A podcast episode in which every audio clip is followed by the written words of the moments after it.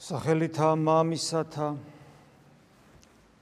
და ძისათა და სულისა წმინდისათა. დღეს ყველა მერთად მოვისმინეთ. სიტყვები. პეტრე მოციქულისა რომ ამ პარტავანს შემოსრავს ღმერთი ხოლო დაბალს მისცემს მადლს. ერთის ხრივ ეს ჩვენთვის უკვე ცნობილი ჭეშმარიტებაა და ბევრი გვისაუბრია ამ პარტავნების სია როგორც იამაყის ერთ-ერთი გამოვლინების საშინელებაზე, რომელიც იმდენად არის ჩვენში გამჯდარი და გამსჭვალული, რომ ის ჩვენს მეორე ბუნებად არის გადაქცეული. როცა ადამიანს სულიერ ცხოვრებაში გამოცდილება აქვს მეტნაკლებად აკონტროლებს ამ საშინელ სენს. გძნობს და ეს კონტროლი რას ნიშნავს? გძნობს მას თავის ამპარტავნებას გძნობს თავის სიამაყეს. მუდმივ აი თქოს მუდმივ მონიტორინგს ატარებს. აი ასეთ სიფხიზლეს და ღვიძარების სათნოება ქვია და მის პატარა პატარა ესეთ გამოვლინებებს, პატარა ესე პიკებს, რომელიც სულ არის, ცდილობს რომ ის გასახანი არ მისცეს. მაგრამ როცა ადამიანს ამგვარი სულიერი გამოცდილება ჯერ არ აქვს და მე მინდა გითხრათ რომ ახალ მოსულებს ეს პრაქტიკულად არ აქვს ეს ძალიან იგზნობა ძალიან იგზნობა და ყველაზე რბილად რო ვთქვათ, ადამიანი ეკლესიის სიახში ძალიან კომიკურ სიტუაციაში იმყოფება. იმიტომ რომ დადის და თავი რაღაცა გონია. ну თვითონ ეს ფაქტი რომ ჩვენ თავი რაღაცა გგონია ეს ეს არის თავისთავად კომიკური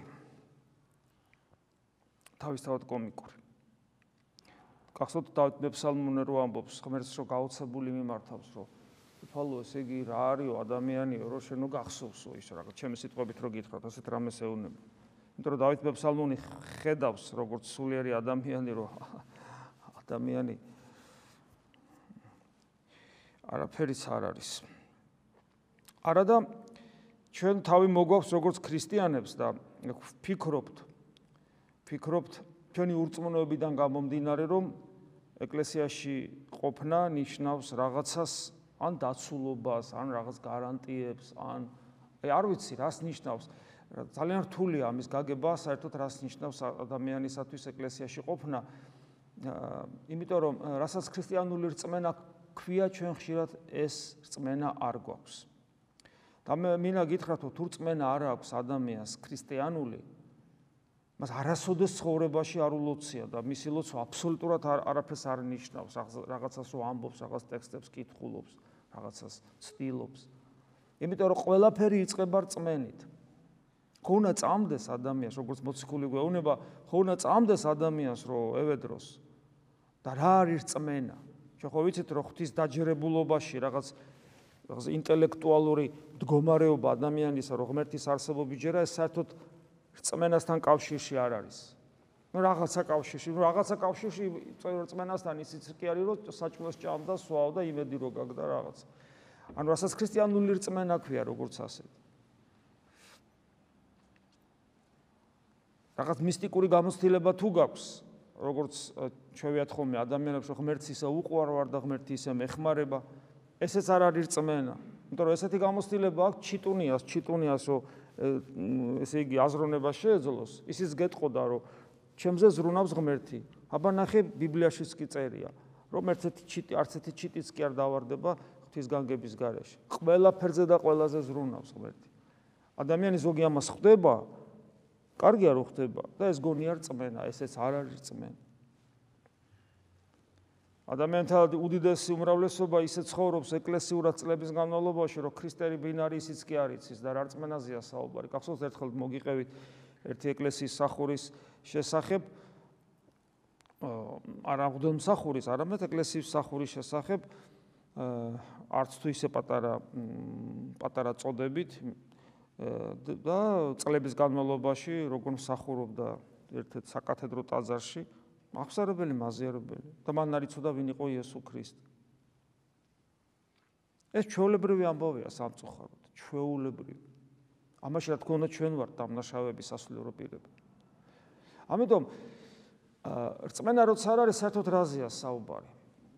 ხო და აი ჩვენ გვაქვს რაღაც ილუზია რომ ჩვენ რადგან ეკლესიის სიახში ვართ ჩვენ რაღაცა სხვა გარანტიები და სხვა დაცულობა შეიძლება გქონდეს და აი დღეს პეტრე მოციქულის სიტყვებს აღმოგიკითხავთ რომ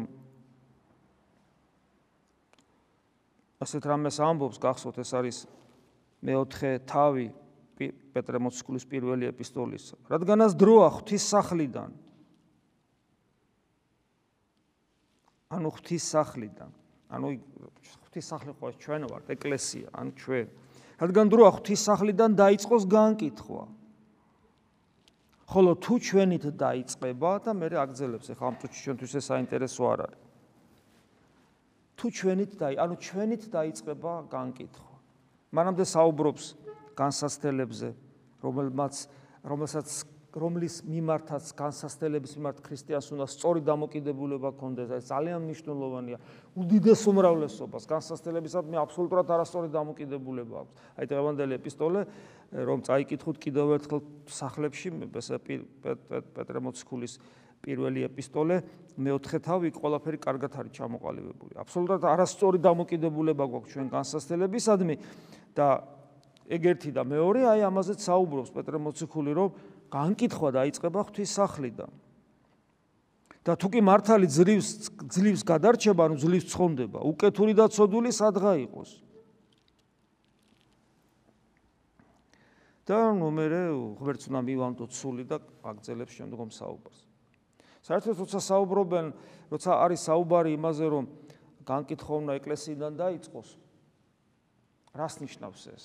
იმას კი არა, რომ ცოდვილები არ არსებობენ. და ამბობს თუ ჩვენიდან დაიწყება ეკლესიის სახარების ურჩ ურჩ ურჩება რაღა უნდა ქნან მაშინ? იმათი მდგომარეობა ხო უფრო საშინელია მაგრამ ჩვენით იწყება. და ეგნატებრიან ჩვენები ამბობს ეს განსასწრებელი რომელიც შეიძლება ეკლესიაზე მოვიდეს ძალიან ღვთის დაშვებით ხდება ღვთის დაშვებით ხდება და ვისი ხელით ხდება და ასახელებს ადამიანებისა და დემონების ხელით ან როცა ეკლესია გარედან შევიწროებული აღმოჩნდება თავდასხმებით სიტყვიერი და ზოგჯერ ფიზიკურით და რა თქმა უნდა დემონებისაგან.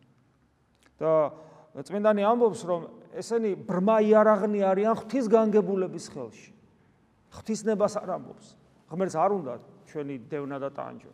განგებულება, რა არის ღვთის განგებულება? საღმრთო კანონი, რომლითაც სამყარო არსებობს.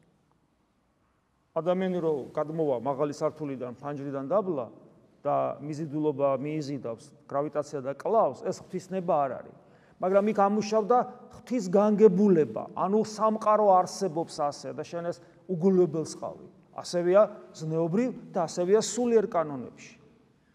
და სულიერ კანონებში რომ 100-ია ეს სულიერი კანონი უპირველეს ყოვლისა სიმდაბლე ქვია ამ სულიერ კანონს და მის საპირისპირო სამპარტავნება და სიამაყე. რომლებიც შეიმუსრებიან და დაბალს კიდე მადლს მისცემს.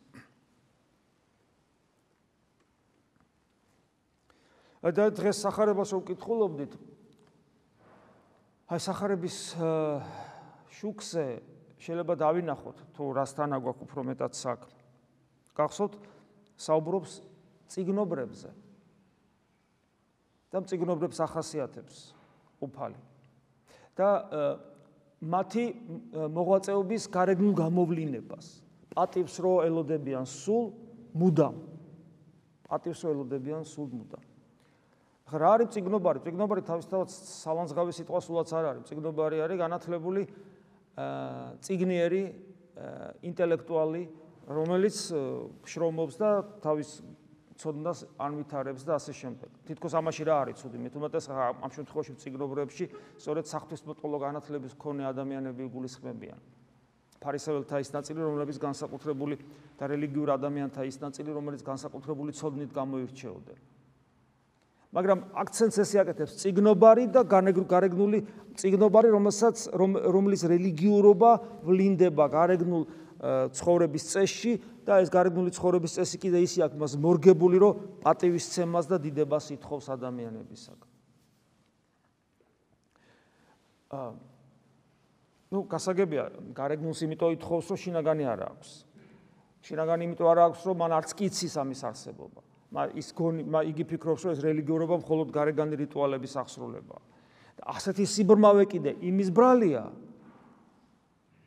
რომ მან იცის რა რაღაც თავი მართლა რაღაცა გონია. აი აი ეს კომიკური სიტუაცია რო ვახსენე. კომიკური სიტუაცია სწორედ იმაში მდგომარეობს რომ ადამიანს თავი რაღაცა გონია მაშინ როდესაც თელი სამყარო არაფერს ნიშნავს და არაფერს არ წარმოადგენს. ჩვენ ხო ვიცით ხო გწამს წმინდა წერილის. ხო ვიცით როგორ არის შექმნილი სამყარო. სამყარო შექმნილია არაფრისგან. ვისაც ეს ვიშიც ეს ლოგიკურ წინააღმდეგობას ბადებს, თანამედროვე ფიზიკასაც თუ მიმართავ, თანამედროვე ფიზიკაც ამას გეუბნებათ, რომ დიდი აფეთქების თეორიის სამყარო არაფრისაგან არაფრისაგან შეიქმნა. ანუ სამყაროს შექმნა და სანამ ღმერთი სამყაროს შექმნიდა, არა თუ რაღაცა ქაოსი იყო, არაფერი არ იყო. არაფერი, გესმით, არაფერი არ არის სივრცე, არაფერი არ არის რაღაცა რაღაცა უსასრულოდ გამფენილი რაღაც კოსმოსური სივრცე. არა, არაფერი არის არაფერი, არაფერი. ჩვენი არსი არის არაფერი. ამიტომ, როდესაც აი ჩვენ ეს პრობლემა ჩვენ გვაქვს ყველა, როცა თქვა ჩვენ საუბრობთ სინანულზე, ხოლმე და ახსარებაზე მოვდივარ და ღვთის წინაშე ვნანობთ, ჩვენი სინანული ხშირად დაიყვანება ზნეობრივ აქტამდე, რომ ჩვენში არსებულ უზნეობებს მეტნაკლებად ვაკონტროლებთ და მათ ვებრძვით. ეს უკეთეს შემთხვევაში. კიდე უკეთეს შემთხვევაში, როდესაც ადამიანი სულიერ პრობლემებს აცხადავს, იმიტომ რომ ზნეობრივი პრობლემა შეიძლება დაინახო და სულიერი საერთოდ სხვა რამეა. შეიძლება ზნეობრივი პრობლემები ძალიან კარგადაც დაინახო და სულიერ საერთოდ ვერ ხედავდე და ზნეობრივ დემონად იქცე ჩვეულებრივ, რომელიც არავის არაფერს არ უშავებს, მაგრამ დემონური სულისკვეთება ქონდეს. მაგრამ თუ თუ აი ამას დაინახავ შენს შენს ესე იგი შენი სინანული ხოლო ძნეობრივი იქნება და გინდათ სულიერი ეს ჯერ კიდევ არ არის ნამდვილი სინანული. არ არის ნამდვილი სინანული. ნამდვილი სინანული მაშინ იწყება როცა შენ არს დაინახავ. რომ უბრალოდ რაღაცა კი არ დააშავე და ეს გაწუხებს უბრალოდ ღმერთს არ ეძებდი ეს ბოლო პერიოდი და ლოცვა ჩაგივარდა და ესე იგი ქრისტეს მიერ სიმდაბლის დეფიციტი გაქვს. უბრალოდ ეს კი არა. საერთოდ არაფერი არ ახარ და თავი რაღაცა გონია, პრობლემა აი აქ არის. არაფერი არ ახარ. არა მარტო გული რო გიცემს, არა მარტო რო სუნთქავ, არა მარტო რო აზროვნებ. არა მარტო რო შენი ფიზიოლოგია მუშაობს. არა მარტო ის რომ უბრალოდ მოევლინი ამ სამყაროზე შეიძლება არ დაბადებულიყავი. არამედ ის რომ შენში როა ეს ფიზიკა და ქიმია რო არსებობს. და საერთოდ სამყარო რო არსებობს. ანუ არაფერი არ არის ღმერთის გარეშე და ღმერთით არის ყველაფერი. რომელ გონიერ ადამიანს მოუვა თავში იტრაბახოს რაღაცი თუნდაც ციგნობრობით, ან რელიგიურობით, ან ზნეობით, არ რაღაც თავის საქმეებით იტრაბახოს და იამაყოს, რომელსაც გაცნობიერებული აქვს. რომ ღმერთმა თუ არ იფიქრა, ჩვენ ფქრებით არ ვარსებობთ, ჩვენ ვარსებობთ იმიტომ რომ ღმერთს უნდა რომ ვარსებობთ. ეს არის ქრისტიანული სწავლება. და კიდევ ვიმეორებ საოცარი ისაა რომ თანამედროვე ფიზიკა შორს არ არის ამისგან. თანამედროვე ფიზიკა თითქოს ურწმუნო მეცნიერებს ღმერთმა თავისივე ამ მეცნიერებისვე ჩატარებული ცდებითვე დასცინა და ისინი მიადგენენ იმ რეალობას, რა რეალობასაც ბიბლიაში ხედავ, რომ არაფრისაგან იქნება რაღაცა და ბოლომდე რა არის ეს სამყარო, არავინ არ იცის. ყველაფერი თავდაყირაა დაყენებული, ლოგიკა არ მუშაობს, როცა ადამიანი მაკროკოსმოს და მიკროკოსმოს იკვლევს. ლოგიკა მუშაობს, აი მარშრუტკას რომ მისდევ და ტრანსპორტში რო ხარ და რაღაც, აი აი აქ, აი აქ მიწაზე ამ სიფტყეზე. იმის იქით აღარ მუშაობს ჩვენი ლოგიკა. ეს მატერიალსა, მატერიალურ სამყაროს და იქით ხომ წარმოგიდგენიათ რა ხდება. და აი ადამიანი ამაყობს თავის ცოდნით, რომ რაღაცა იცის. ეს ერთი საფუძველთა საფუძველი იმისა, რომ ესე იგი ჩვენ ვართ ამპარტავანი. რომელსაც ღმერთი შემოსრავს. ანუ რა? გონია რომ ჩვენ რაღაცას წარმოვადგენთ. გახსოვთ პავლე მოციქულის სიტყვები, რა გაქვს, რაც არ მიგიღია. რა გაქვს? და თუ ყველაფერი მიღებული გაქვს, რა რიღათი იკვეხნი, რითი იკვეხნი? ყველაფერი მიღებული გაქვს. ხო და აი თუ ადამიანი ამას კარგად გააცნობიერებს, აა მასში ნებისმიერი გამოვლინება სიამაყისა და ამპარტავნების ეგრევე დაფიქსირებული იქნება და თავის თავს თვითონვე დასცინებს. ეს არის გროტესკული მდგომარეობა, ჩოულებრივად, აი აი რა ვიცი, პატარა იხვის ჭუკი რო გამოვიდეს და იამპარტავნოს. კიდევ უფრო კიდევ უფრო უარეს მდგომარეობაში ვარ ჩვენ. მაგრამ ეს უსუსურობისა და დანაშაულებისა, ნახეთ, დანაშაულების და რაღაც უზნეობის უზნეობასთან დაკავშირებით რაღაც კომპლექსებს კი არ ბადებს. იმიტომ რომ ეს იმდენად არსობრივად არის წვდომა საკუთარი არსისა, აი ონტოლოგიური წვდომა საკუთარი ბუნებისა. რომ ეს ბადებს არა დანაშაულებრივ და რაღაც უსუსურობის კომპლექსს, არამედ ადამიანს და ამ დროს არსებობ, ეგ არის საოცარი, არაფერი არ ახარ, არარაობა ხარ და თან არ არსი ხარ და თან არსებობ, ეს ბადებს ადამიანში რაღაც აი ვულკანურ ამოფრქვევის გავს რაღაც რეალობას, როცა ადამიანი მთელი არსებით იწყებს. თავისი არარსებობის, არარსებ არა არ არარსებული არსის გადარჩენას და მას ჭირდება მხსნელი და იესო.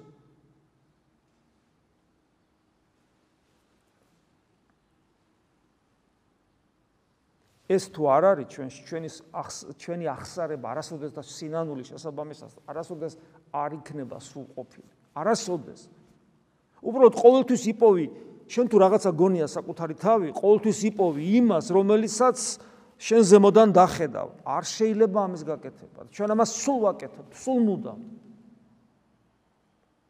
ერთადერთი პრევენციული ზომა რომ არ დაგემართოს ეს გარდა საკუთარი არარაობის შეგრძნების არის სიყვარული.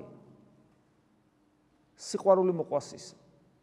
იმიტომ რომ მასში როგორც კი შეამჩნევ შე რაღაც არაჯანსაღს და ეს გაძლევს საბაბს რომ ზემოდან დახედო იმიტომ რომ საშინლად იქცევა სიყვარული არ მოგცემს ამის საშუალებას, იმიტომ რომ სიყვარული არასადა დავარდების, გახსოვთ პავლე მოციქული ამბობს, ეს ნიშნავს, რომ წმინდა მამები ამბობენ, რომ სიყვარული იმიტომ არ დავარდება, არცაც ყველაზე ქვემოთ არის. სრული სიმდაბლიდან არ სრულ სიმდაბლეში არსებობს სიყვარული და რადგან შეამჩნიე, რომ ადამიანი მოდი ცუდად იქცევა, თქვათ ასეთ. ეს შენ გაძლევს ბუნებრივ მდგომარეობას, ზემოდან შეხედო, მაგრამ რადგან გიყვარს, ამას არაკეთებს სიყვარული გადაფარავს აი ამ ბუნებრივ მდგომარეობას ზემოდან ხედვისა სადაც შენი არარაობა გავიწყდება. იმიტომ რომ ის არარაობა თვალი მოგჭრა.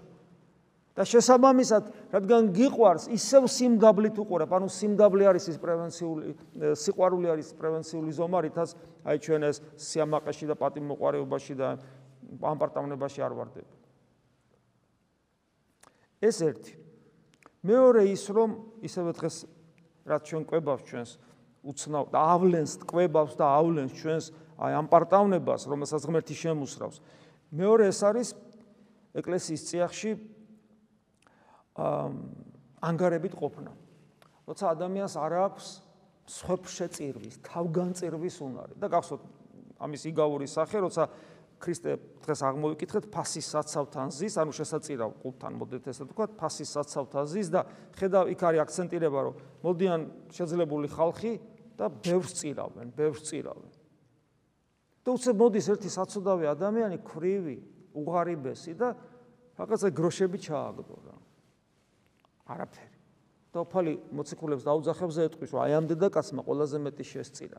იმიტომ რომ იმათ ნამეტნავისაგან თუ ისის რაც ქონათ მოყირჭებული აი ზედმეტი რო ყრია რა იქიდან ის ბევრი იყო მაგრამ ეს ბევრი მათთვის არაფერი არ არის ნამეტნავისაგან და ამას რაც ქონდა ყველაფერი გაიღო ეხლა ხვდებით აქ ალბათ რომ აქ ლაპარაკი არ არის შესაწირავზე უფლისადმი შესაწირავზე როგორც ფულზე, თანხაზე და არც იმაზე, არც რაოდენობრივ მაჩვენებელზე. ა რაოდენობრივზე საერთოდ არ არის. პირიქით ამას უფალი პირდაპირ ხას უსვამს. აქ არ არის მნიშვნელო, აქ მნიშვნელოვანი არის არა რაოდენობრივი, არამედ არსობრივი, ხარისხობრივი, თვისობრივი მაჩვენებელი და იმ წელს გვახსენდება კაენისა და აბელის მსხვერპლი. იქ არ წერია რომ აბელმა ბევრი შესწირა და კაენმა ცოტა შესწირა. არ წერია ეს. ორივემ შესწირა. და იქ მე ვარაუდებია მხოლოდ, მაგრამ ფაქტი ერთია, რომ განსხვავება რატო შეიწირა აბელის და კაინის, რატო არ შეიწირა, განსხვავება იყო ხარისხობრივ და თვისებრივ მაჩვენებელში. აი როგორც უფრო უძღები შვილის იგავში უფროსი შვილი რომ თელ ცხოვრებას წირავს და პრეტენზია აქვს. მთელი ცხოვრება შენ გემსახურებდე, ერთი თიკანი არ მომეცი და ამან გაგანადგურავ ამ ჩემმა ძმამ და ესე იგი ასეთი кейფი მოუწყე და ზვარაკი ჭამებული დაუკალი და რა. და გახსოვთ мама რასეუნება რომ გაოცებული ეკითხება რა თიკან ყველაფერი რაც ჩემია შენიაო და რა თიკანზე მელაპარაკები ვერ მიხვდა მამ აი ესე ჩანს იგავში ანუ ჩვენი ხარისხობრივი დამოკიდებულება თვისობრივად სხვა დამოკიდებულება ღმერთთან ეს ეხება ერის ადამიანსაც, ეს ეხება სასულიერო პირსაც. ეს არის აი სიტყვები ხშირად ხო გვითქვავს, ხო შენი, შენთაგან, შენ და შემწირველი. რამდენად რეალიზდება ჩვენ ცხოვრებ ჩვენ ცხოვრებაში აი ეს სიტყვები შენი, შენთაგან, შენ და შემწირველი. რამდენად? რამდენად ჩვენი გული განკუთვნილია ღმერთისთვის სრულად. რამდენად ჩვენ შეგვიძლია ჩვენი გაკეთებულით, ჩვენი შესაწირავით არ აქვს მნიშვნელობა რა ტიპის შესაწირავია. ჩვენი შესაწირავით თავი დავიკმაყოფილოთ და უბრალოდ თავდაჯერებულები გახდეთ, რომ ჩვენ რაღაცას ვაკეთებთ. ეს ეხება ყველა ქრისტიანს. მაგრამ ყველაზე მეტად ეს ეხება მღვდელს. მღვდელს რო ეხება, მღვდელთან დაკავშირებით კიდე ეს არის საინტერესო, რომ მღვდელი არ არის ვალდებული მატერიალური შესაძირავი გაიღოს ეკლესიისათვის, მღვდელი საკურთხევლიდან თავად იკვებება. მაგრამ ყველაზე მეტად ეს პრობლემა მღვდელსა აქვს ზუსტად, იმიტომ რომ აი შენი შენთაგან შენ და შემწირველი, ესე იგი შენგან უბრალოდ რაღაც მატერიალურს კი არ ითხოვს. არამედ სხვა რამეს ითხოვს და ის სხვა რამე მთელი შენი ცხოვრება მღვდელო თეოდორე ჩემ თავს ვუტყვი. აბსოლუტურად სრული სისავსე შენი ცხოვრებისა, რომელიც სულ უნდა გასცე ბოლომდე. და აქ არის კიდევ საინტერესო რომ და რა უნდა გასცე? რა უნდა გასცე? ერთის ხრი ესე იგი სიმდაბლეს მისცემს მადლს და ამ პარტავან შემოსავს სიმდაბლეს საკუთარი თავის ადეკვატური აღქმა. ესე იგი სიმდაბლე რო კონდეს, უნდა საკუთარი თავის ადეკვატური აღქმა კონდეს, ეს ნიშნავს კიდევ ერთხელ მიუბრუნდები იმას. შენ გააზრებული გაქვს რომ არაფერი ხარ არსით. არაფერი ხარ არსით. ესე იგი შენი არაფერი არა გაქვს. შენი თუ არაფერი არა გაქვს, რას იკავებ ხელში და რისი გაცემა არ გინდა? შენი ხომ არ არის?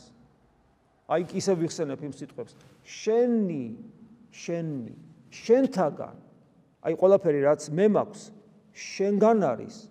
ყველაფერი შენია, შენგან არის და მაგრამ ეხლა ჩემთან არის და შენ და შემწირველი. ანუ უკან გიბრუნებ. აი ეს ეს კულტურა სულიერი ცხოვრების. მე ბევრი რამე მაქვს, მაგრამ ჩემი არაფერი არ არის. მე მეცას გეტყვით, მე აბსოლუტურად ყველაფერი მაქვს. მე ღმერთობა მაქვს მოცემული. ღმერთობა. აღარ ვლაპარაკობ მიწიაზე. გახსოვთ უფალი ვამბობს, როცა ლოცვაზე საუბრობს, აი იქ პურშო თხოვს, იქ რო უსამართლო საჯულს ქვრივი დედაკაცი როს თხოვს და თხოვს, თხოვს, თხოვს და ნუ დაიღალა ეს ბოროტემ საჯული და შეუსრულა და ასე შემდეგ. ანუ ბევრი ითხოვეთო და როგორ გონიათო ქრისტე რო ამბობს რომ ესე იგი დღე და ღამე რო ევედრებიანო და მსგავს მაგალითები ბევრია წმინდა წერილში და როგორ დღე და ღამე თუ ზეციურ მამას თავი შვილები ევედრებიან და ამადლებს და არ მისცემსო და რას არ მისცემს სული წმინდას ანუ ფაქტობრივად ღმერთი თავის თავს გაძლევს. არა თუ მიწიერს, თავის თავს გაძლევს. და მიწიერსაც შეეხება, იმიტომ რომ სანამ ხორჩი ხარ, უბრალოდ უნდა ჰაერი ხო გჭირდება, რომ საღამე რომ ჰაერი არ იყოს, ვეხო ვერ ვისაუბრებ. ანუ ჩვენს ხორციელი არსებობის კანონია, რომ რაღაცა ჭირდება, ხო, გასაგებია. პასუხისგებლობები გვაქვს და ასე შემდეგ, ოჯახი და ასე შემდეგ. უფალი გეუბნება, რომ სასופველი ეძება და ზეციორმა მამამ ხო მიცის ეს. სასופველი ზიება ნიშნავს ჯულის მიერ ცხოვრებას, მათ შორის არ უნდა იყოს ზარმაცი. უქნარა. უპასუხისგებლო, სხვის იმედზე მყოფი, შრომელი უნდა იყოს. ეს სალკე თემებია კიდე, იშლება და იშლება თემები, ქვეთემებად კიდე ქვეთემება და ასე შემდეგ. მაგრამ სხვა რამეს გეუბნება უფალი, რომ უფალმა ეს იცის, უფალი შენზე ზრუნავს, მაგრამ პირველი პირობა მორწმუნე ადამიანს გეუბნება, რომ სასופველი ეძებე და უფალი გეუბნება, რომ როგორ შეიძლება თხოვო, თხოვო, თხოვო და დაგამადლოს და სულიწმინდა არ მოვიდეს შენთან და მადლი არ მოგცეს. ანუ ყველაფერს გაძლევს ღმერთი, ყველაფერს. ოღონდ შენ უნდა გააცნობიერო ამის წინ, რომ შენ არაფერი გაქვს. შენი და ყველაფერი გაქვს ამავე დროს, ოღონდ ღმერთისგან. და შენი სიყვარული და უანგარობა ღმერთთან იმაში ვლინდება, რომ მის მოცემულს მასვე უბრუნებ. აი ეს მზაობა გაქვს. და თან აბსოლუტური იმედი იმისა, რომ ღმერთთან კარგად ხარ და კარგად იქნები. ა ブラ ამის მაგალითი კლასიკა ამის. წარმოიდგინე, მთელი 100 წელი ადამიანის შვილს ელოდება, ღმერთი აძლევს ამ შვილს და მე ამ შვილს უკან უბრუნებს ღმერთს. უკან უბრუნებს შესაწირავ მსხვერპლად.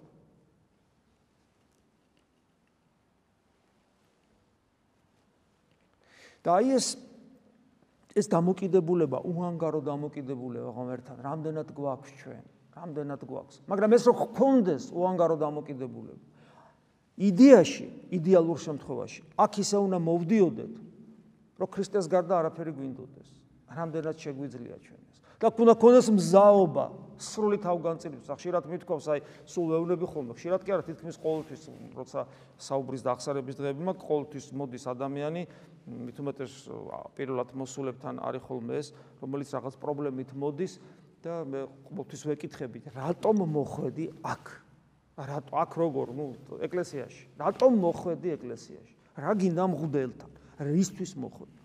უდიდესი უმრავლესობა, თითქმის 100% მოდის იმიტომ, რომ სიმშვიდე უნდა, პრობლემების მოგვარება უნდა და ასე შემდეგ. მე ვეუბნები, ღმერთი შეგეწევა, რა თქმა უნდა, თუ შენ სულიერად იცხოვრებ, იმიტომ რომ ღმერთს არავინ არ დაუტოვებია. მაგრამ არის ერთი მომენტი აქ, ამას ჭირდება რწმენა. იმიტომ რომ შენ უნდა თხოვო ღმერთს, რო თხოვო უნდა რწმენა ქონდეს. რწმენა არა ღმერთის არსებობის, არამედ ქრისტიანული რწმენა და ქრისტიანული რწმენა კიდე რას ნიშნავდა ეს, როგორ იშლება ეს ყველაფერი. ეგ ერთი და მეორე.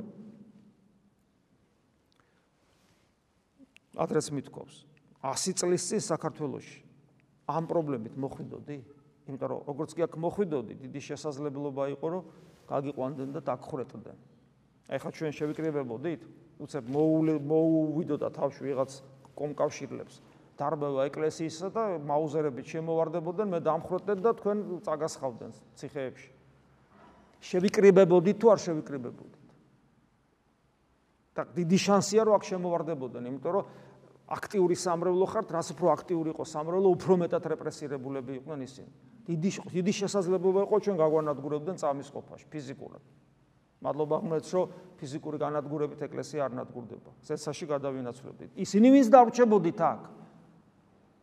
მაგრამ ნახეთ, ადამიანი მოდის პრობლემების მოსაგარებად ეკლესიაში, სინამდვილეში, ქრისტიანობა პრობლემებს გიგვარებს, რაღაცებს ხა ღმერთის ხელში ვარ, რა თქმა უნდა, მაგრამ მე სხვა რამის თქვა მინდა, აი, სუფთა ანგარების თვალით რო შეხედო, ადამიანს აქვს უამრავი პრობლემა ამ სამყაროში. როგორც კი მორწმუნე ხდება, პრობლემები მას უმრავლდება, თუნდაც ფსიქოლოგიური. იმიტომ რომ მას სახარება აღარ აძლევს იმის საშუალებას იცხოვროს. ისე როგორც მას აქამდე მოეხასიათებოდა და ცხოვრობდა. არ გაძლევს ამის საშუალებას შენ გინდა შენს ეგოიზმს ამპარტავნებას შენს ყველაფერს იქ ქვენაგზნობებს გასახანი მისცე და არა გეუნება არა და მარტო ეს კი არა ეს ხო არა და არა. და მე დღე დაღამ უნასხა რეჟიმში გადაერთოს შენი გული შენი ძილი შენი კვება დღე დაღამ ღვთისძიებას იწყებ. მე მესმის ეს ნელ-ნელა ვითარდება ეს ყველაფერი, მაგრამ რატო?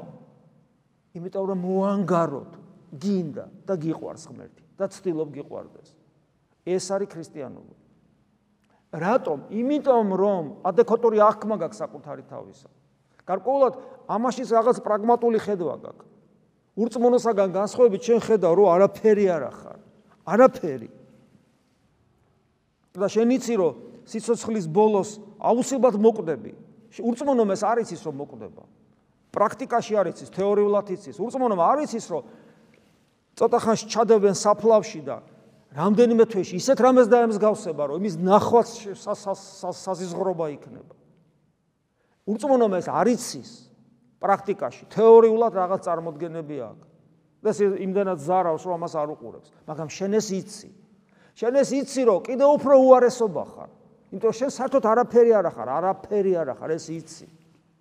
და ამავე დროს იცი, რომ ყველაფერი ხარ, აი არაფერს ღმერთმა ღმერთობის საშუალება მოგცა. და მადლიერი ხარ და ძალიან გეშინია, რომ ეს არ დაკარგო. შენ გაუგე გემომას, გული შენ გულში ღმერთი შეეხო. გაგითბო გული და მე უკან დაიხია და ელოდება, აბა რას იზავ. ხო და აი ეს ეს განწყობა გაქვს, ეს განსხვავება და შენ იცი რომ აუცილებლად მოკვდები ურწმუნოსაგან განსხვავებით და წითელ ხას მიუახლოვდები იმ ხას, რასაც გარდაცვალება ქვია. ურწმუნო რომ იმ ხას მიუახლოვდება, ურწმუნო. რომელსაც ხორებაში ბევრი რამე აქვს ნაკეთები, დიდი საქმეები, საგმირო საქმეები, ან სიკეთეები, ან მაგრა გაერთო და ისიამონა მთელი ცხოვრება. ესეც გამიგი, არაფერი სიკეთე შეიძლება არ გავკეთებია, აი მთელი ცხოვრება როგორც მინდოდა ეგრე გავატარე და მაგრა ვისიამოვნე იტყვის გესმის? ხო, ან თუ მით უმეტეს რაღაცები უკეთებია, ან თქვა შვილებს და შვილიშვილებს რაღაც დაუტოვა და ყდება და ისიც რომ ღმერთი არ არის და ის კიდე ნასიამონები წავა ეთქვის რომ აი ყველა ყდება მე წდება მას სამაგიეროთ აი რაღაც დავტოვე გავაკეთე ჩემს სახელს მოიხსენებენ იტყვიან აი ესეთი კაცი იყო და რაღაც შენ მორწმუნე ადამიანს. ესეც ეს ბედნიერებაც არ გექნება თუ გინდა 100 ჯერ მეტი აკეთო იმაზე. იმიტომ რომ შენ რომ ხას მიუახლოვდები გარდაცვალება რო ქვია? შენ იცი რა რომ წინ ღმერთი გელოდება? ის უკანა ყველაფერი სისულელით მოგეჩვენება. და თუ ღმერთს არ იცნობ არ იცნობ. იცი რო არის მაგრამ ისე გულარხენად გაატარე შენი 95 წელი და არ იცნობ ვინ არის ღმერთი. არა გაქვს მასთან კავშირი აი იცი რა საშნელება იქნება, რომ მიხვდები, რომ ტყუილ უბრალოდ იცხოვრე. შენმა ცხოვრებამ სულ ტყუილ უბრალოდ გაიარა, იმიტომ რომ თავარი, რაც იყო, არ გაიკეთებია, ღმერთს არ იცნობ. რეალისტი ხარ იმ ურწმუნოსგან განსხვავები და იცი რომ ყველაფერი დამთავრებულია წარსული და წინ წინ აბსოლუტურად გაუგებრობა გელოდება, არაფერი არ იცი რა იქნება. და შიში იმისა რომ მას არ იცნობ. აი ჩვენ ეს გვექნება, თუ ჩვენ არ ვიცხოვრებთ სწორად. აი ესე ასე რომ ჩვენ და ვიცხოვროთ სწორად ჩვენ არ უნდა ვიკვეხნოთ და განსაკუთრებულად ღდლებმა არ უნდა მოვიწონოთ თავი რომ რაღაცა ვიცით, რაღაცას რაღაცა გაგვიგია. არ უნდა ვიკვეხნოთ თავი, იმიტომ რომ ჩვენ ვწირავთ. რასასაცილოა ჩვენი წირვა თუ ყოველი წამი წირვისა, ყოველი შემოსვლიდან დაწყებული ბოლო წამამდე, რომ გამოვა ქრისტესთან ერთად არ ვართ. და ქრისტესთან ერთად როგორ ვიქნები? ა ყოველი წამი თუ ქრისტესთან ერთად არ ვარ, სანამ წირვაზე შემოვალ. გამთენიისას, ღამე, წინა საღამოს მთელი დღის განმავლობაში თუ ქრისტესთან არ ვარ მთელი დღე აქ როგორ ვიქნები? უცებ ქრისტესთან ერთად. მთელი მთელი წინა 24 საათი მაინც თუ არ ვაიძულებ ჩემ თავს რომ ქრისტესთან ვიყო სულ უცებ შემოვალ და უცებ ქრისტესთან ვიქნები და თუ ქრისტესთან არ ვიქნები წირვის განმავლობაში ჩემი წირვა რა წირვა იქნება? რა წირვა იქნება ჩემი წირვა ვიღაცა იქ შეიძლება სადღაც მოხუცებული ბებია სადღაც კუთხეში ტაძრის კუთხეში იდგას და იმის გამო საიდუმლოება აღესრულება რომ ის ადამიანი ეზიაროს მაგრამ აი მე რა კავშირი მექნება ამასთან? არც არაფერი აბსოლუტური. და მე თუ ასე მოვიქცევით ჩვენ სასულიერო პირები. მე დავამსგავსებით იმ მარილს რომელიც უნდა გადაიყაროს და ფეხით შესდგნენ როგორც უფალი ამბობს და განკითხვა კიდე ჩვენით დაიწყება. და განკითხვის განკითხვის უკან ღვთის განგებულება დგას, რომელიც ამუშავდა ცივად, როგორც კანონი, იმიტომ რომ მე დავარღვიე ყველაფერი და უგულებელს ყავი, ყველა სულიერი კანონი უგულებელს ყავი. ღვთის განგებულება ამუშავდა, მიუხედავად იმისა, რომ მე მას უყვარვარ, ღვთის განგებულება ამუშავდა. სიტყვა, რომელსაც მე ვიტყვი, ის ის განგჟით თქვენ ქრისტიან, მე კი არ განგჟით, სიტყვა, რომელსაც მე ვიტყოდე. ანუ სიტყვა, რომელიც ღვთის განგებულების კანონია, სულიერი ის კანონი იმოქმედებს, როგორც მიზიდულობის კანონი იმოქმედებს და ეს განგებულება ბრმაიარაღად გამოიყენებს ქრისტეს მოძულვე, მოძული ადამიანებს და ეშმაკებს და გაგთელავენ და გადაგვივლიან. როგორც მოხდა ეს 1917 წელს რუსეთში და 1921 წელს საქართველოში. სწორედ ის ადამიანები, რომლებიც მონათრულები იყვნენ და მაზიარებლები, იმათ გადაუარეს ეკლესიას მე ზუსტად. და ეს იყო ჩვენი ბრალი, ჩვენი ეკლესიის ბრალი იყო ეს. იმიტომ რომ ამ პარტაუნებს შემოსრავს ღმერთი. შემუსრავს ამ სიტყვის ფიზიკური გაგებითაც. ხოლო დაბალს მოსცემს მართლს და დაბალი ის არის კიდე, ვინც ქრისტეს ვგავართ. და მე ქრისტეს არ ვგავარ. შესაბამისად მე თუ გამლანძღავენ, მე ღირსი ვიქნები ამის. მე თუ გადამივლიან, ღირსი ვიქნები ამის. იმიტომ რომ ამ პარტავანი ვარ და შემუსრავს და თუ დაბალი ვარ, ქრისტეს უნდა ვგავდე და ქრისტეს რო არ ვგავარ? ხოლო თუ არ გავარ ქრისტეს და მოგონია რომ გავარ, ეს კიდევ თლათ უარესი. ერთადერთი გამოსავალი. სწორ სოლიერ ცხოვრებას მიუბრძონ, მიუბრუნდეთ და გამოფხიზლდეთ. გამოფხიზლდეთ. გავიაზროთ, აქ რატო ვარ? ვიცხოვროთ ქრისტიანულად, ვუერთგულოთ ქრისტეს. დავიწყოთ აი დღეს, დავიწყოთ ქრისტიანული ცხოვრება, რომელიც არის აუცილებლად შინაგანი, ანუ შინაგანი, რასაც გონიერ ლოცვა ქვია, აუცილებლად ევქარისტიული, ანუ მადლიერებითი ცხოვრება, რომელიც ზიარებაში ვლინდება, აუცილებლად სიმდაბლეში ვარჯიში გჭირდება ამის garaში არ არსებობს და ღვთაებრივი სიბრძნით ამის მერე უკვე განსწავლულობით და ქმედებით და მუდამ საკუთარი თავის კონტროლით, არასაც ღვიძარებისა და სიფხიზლის სათნოება ქვია. ამასთან ერთად ამის გამო, ამის გამო ღმერთი პერიოდულად გვანუგეშებს და მოგცემს ისეთ სიხარულს და ბედნიერებას, რომელიც ამ სამყაროში სხვაგან არ არის გარდა ქრისტესთან. შესაბამისად, ჩვენ ვიქნებით მუდამ გახარებული და მხიარულნი. მაშინ როცა უშუალოდ გვახარებს და მაშინ როცა ეს სიხარული გვახსოვს და კიდევ ველოდებით. ჩვენ გვექნება განსხვავებული, არა ამ ქვეყნიური ნამდვილი სიცოცხლის განცდა და ამ სიცოცხლის მუდამ ჩვენთან ყოფობა. და ჩვენ ჭეშმარიტად ზესის მოქალაქეები ვიქნებით. ასეთი ადამიანი არის მართლაც ბედნიერი და დაუმარცხებელი. ეს არის ქრისტიანი. შეგვეციოს უფალი. ამინ. მადლი უფლისა ჩვენისა იესო ქრისტეს და სიყვარული ღვთისა და მამის და ზიარება სული საწმინდის. იყოს თქვენ ყოველთა თან. ამინ.